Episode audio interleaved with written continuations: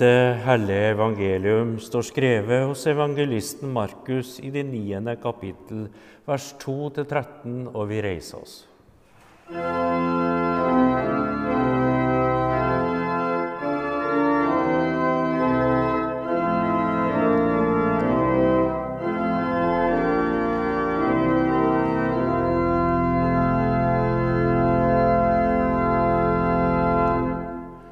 Seks dager senere tok Jesus med seg Peter, Jakob og Johannes og førte dem opp på et høyt fjell hvor de var alene.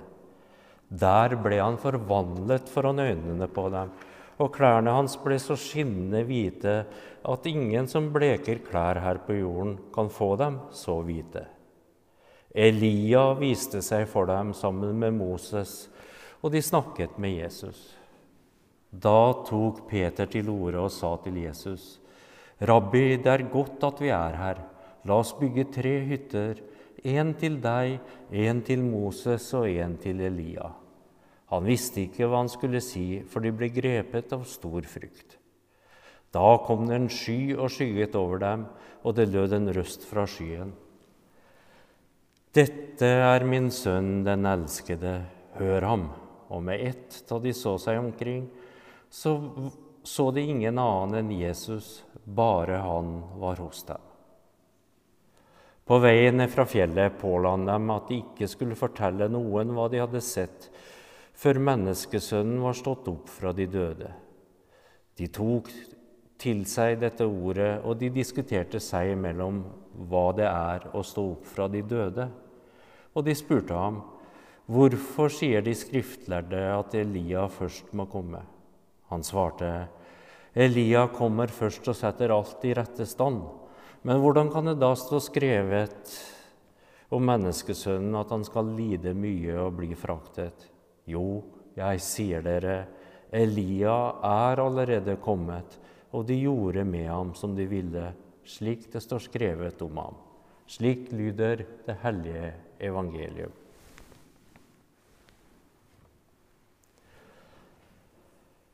Kjære menighet. Forrige søndag var jeg i det lett vemodige hjørnet når jeg snakka om dem som ser sporene av Gud mer tydelig i naturen enn her inne i kirka. Og som prest skulle jeg virkelig ønske at folk møtte til gudstjeneste i kirka. Å møte Gud i ord, i dåp og nattverd, samtidig som vi ber fram vår felles bønn, det er verdifullt i seg sjøl og jeg mener djupt og inderlig at vi trenger ei påminnelse om det hellige i våre ofte grå liv. Vi trenger en himmel over vårt kav og strev med regninger og renter, vårt daglige strev med å sørge for at ungene kommer til barnehage og skole, og vi sjøl til jobb. Dagene av livet forsvinner fort i vårt strev med sure sokker, matlaging, rengjøring og tidskabaler som knapt går opp, mens postkassa kanskje fylles av vinduskonvolutter fra Lindorf og andre inkassoselskap, og kjærligheten mellom oss har trange kår i stramme tider. Når det er sagt, har ødemarka og naturen alltid spilt en stor rolle for det troende mennesket. Det blir jeg minnet på både i dagens tekst og når jeg gløtter bort på en reproduksjon av Ivan Kramskois maleri av Jesus i ødemarka fra 1872. Jesus er døpt av Johannes, og ånden driver han ut i ødemarka i ørkenen der han tilbringer 40 dager i faste, som gjør han klar til å motstå djevelens fristelser.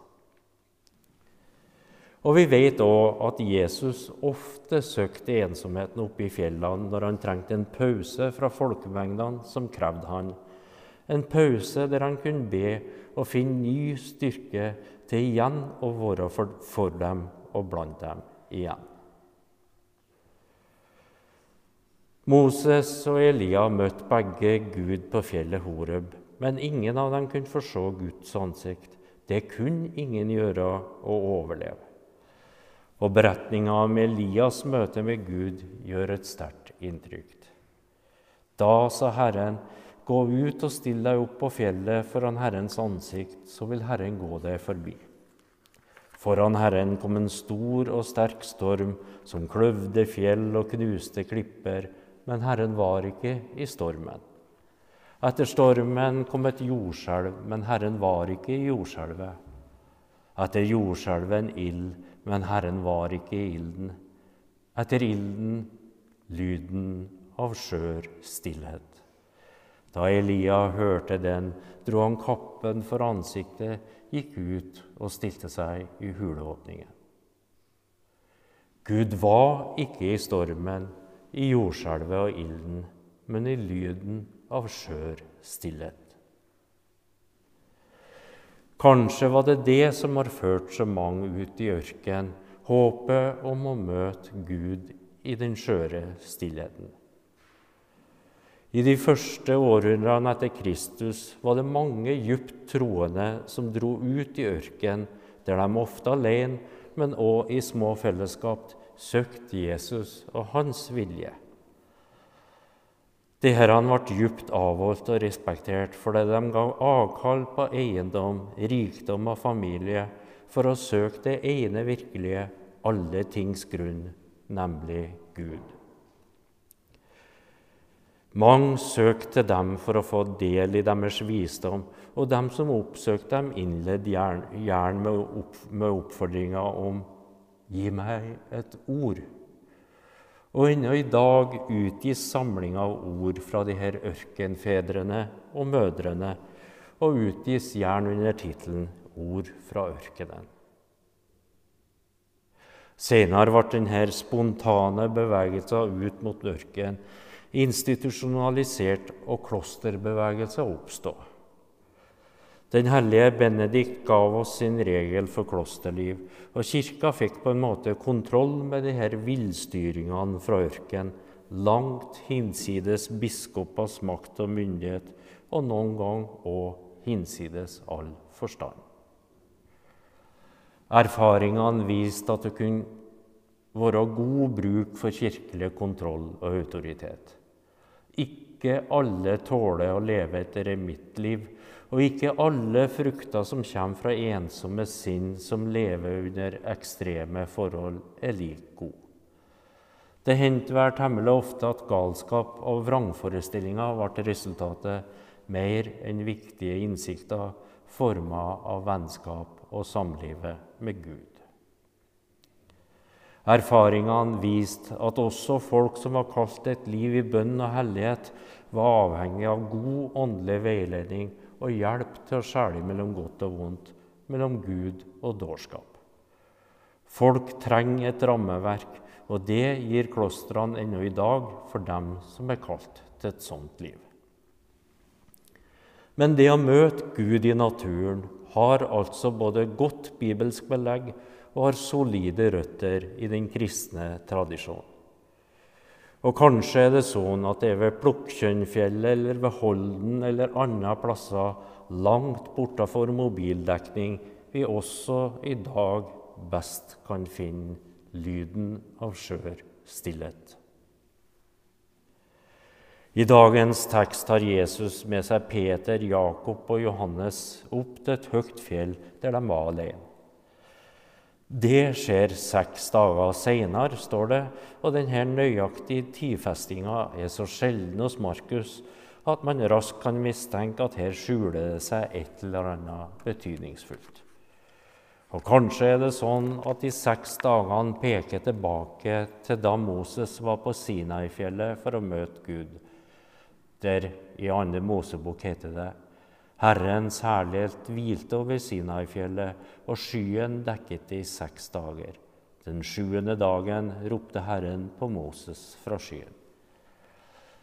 Det kan bety at seks dager er tenkt som passende forberedelse for å se en åpenbaring av Gud.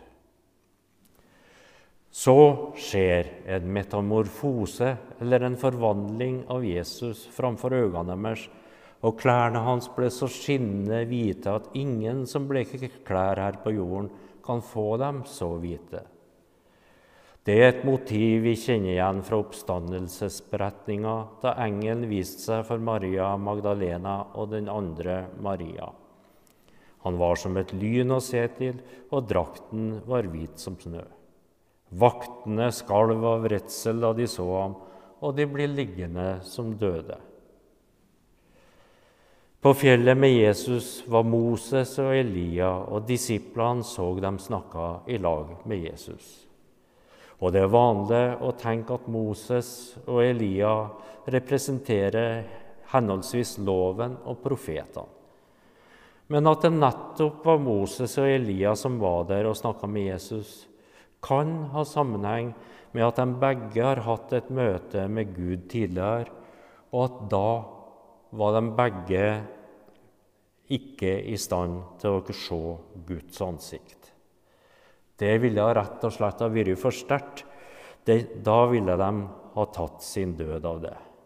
Moses møtte Gud i den brennende busken.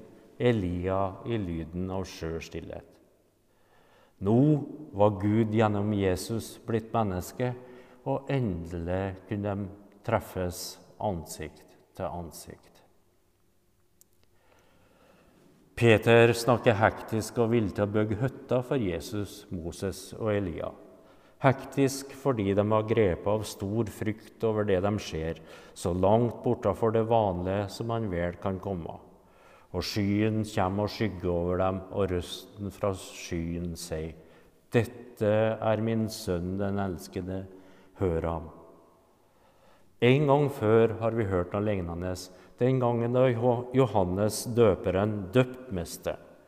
Den gangen sa røsten, Du er min sønn, den elskede, i deg har jeg min glede. Når skya letter, er det bare Jesus og disiplene igjen, og på vei ned fra fjellet instruerer han dem om å ikke si noe om det her før menneskesønnen var stått opp fra de døde. Disiplene går med på det, men spør hvorfor de skriftlærde sier at Elia må komme først. Jesus forklarer at Elia alt har kommet, og at de gjorde med han sånn som de ville. Kanskje tenker disiplene som vi, at Elia som var kommet, var døperen Johannes, som ble drept av Herodes og de gudløse. Sånne opplevelser som Peter, Jakob og Johannes fikk der oppe på fjellet, der de så Jesus forvandla og åpenbart som Gud, er nok en svært sjelden og spektakulær opplevelse. Kanskje vil noen tenke at sånne opplevelser er et tegn på at man er troende nok og spesiell nok i Guds øyne, og noen vil nok falle for fristelsen til å jakte etter sånne erfaringer og opplevelser.